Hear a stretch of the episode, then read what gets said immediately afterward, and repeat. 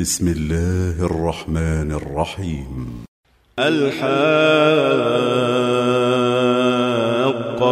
ما الحاقة؟ وما أدراك ما الحاقة؟ كذبت ثمود وعاد فأما ثمود فأهلكوا بالطاغية وأما عاد فأهلكوا بريح صرصر عاتية سخرها عليهم سبع ليال وثمانية أيام حسوما فترى القوم فيها صرعا كأنهم أعجاز نخل خاوية فهل ترى لهم من باقية؟ وجاء فرعون ومن قبله والمؤتفكات بالخاطية فعصوا رسول ربهم فأخذهم أخذة رابية إنا لما طغى الماء حملناكم في الجارية لنجعلها لكم تذكرة وتعيها أذن واعية. فإذا نفخ في الصور نفخة واحدة وحملت الأرض والجبال فدكتا دكة واحدة فيومئذ وقعت الواقعة. وانشقت السماء فهي يومئذ واهية والملك على أرجائها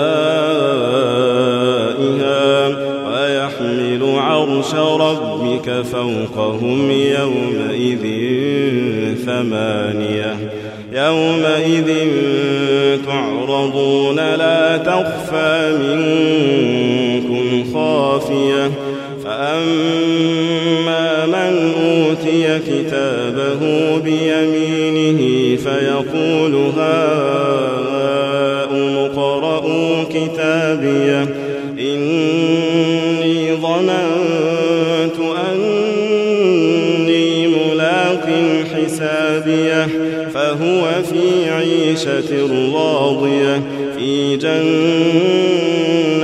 عالية. قطوفها دانية. كلوا واشربوا هنيئا بما أسلفتم في الأيام الخالية. وأما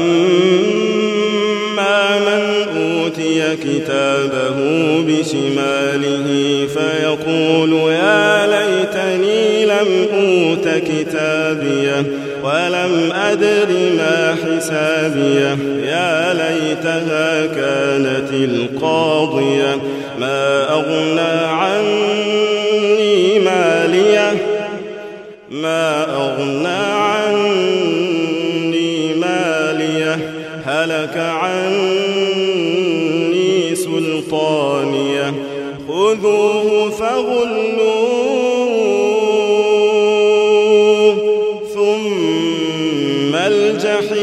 صلوه.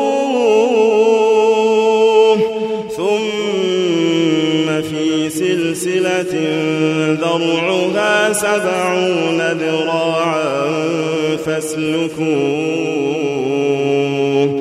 إنه كان لا يؤمن بالله العظيم ولا يحض على طعام المسكين. فليس له اليوم هاهنا حميم ولا طعام إلا من غسلين. لا يأكله إلا الخاطئون. فلا أقسم بما تبصرون وما تبصرون إنه لقول رسول كريم. فما هو بقول شاعر قليلا ما تؤمنون. ولا بقول كاهن قليلا ما تذكرون. رب العالمين. ولو تقول علينا بعض الأقاويل لأخذنا منه باليمين ثم لقطعنا منه الوتين. فما منكم من أحد عنه حاجزين. وإنه لتذكرة للمتقين. وإنا لنعلم أن منكم مكذبين وإنه لحسرة على الكافرين وإنه لحق اليقين فسبح باسم ربك العظيم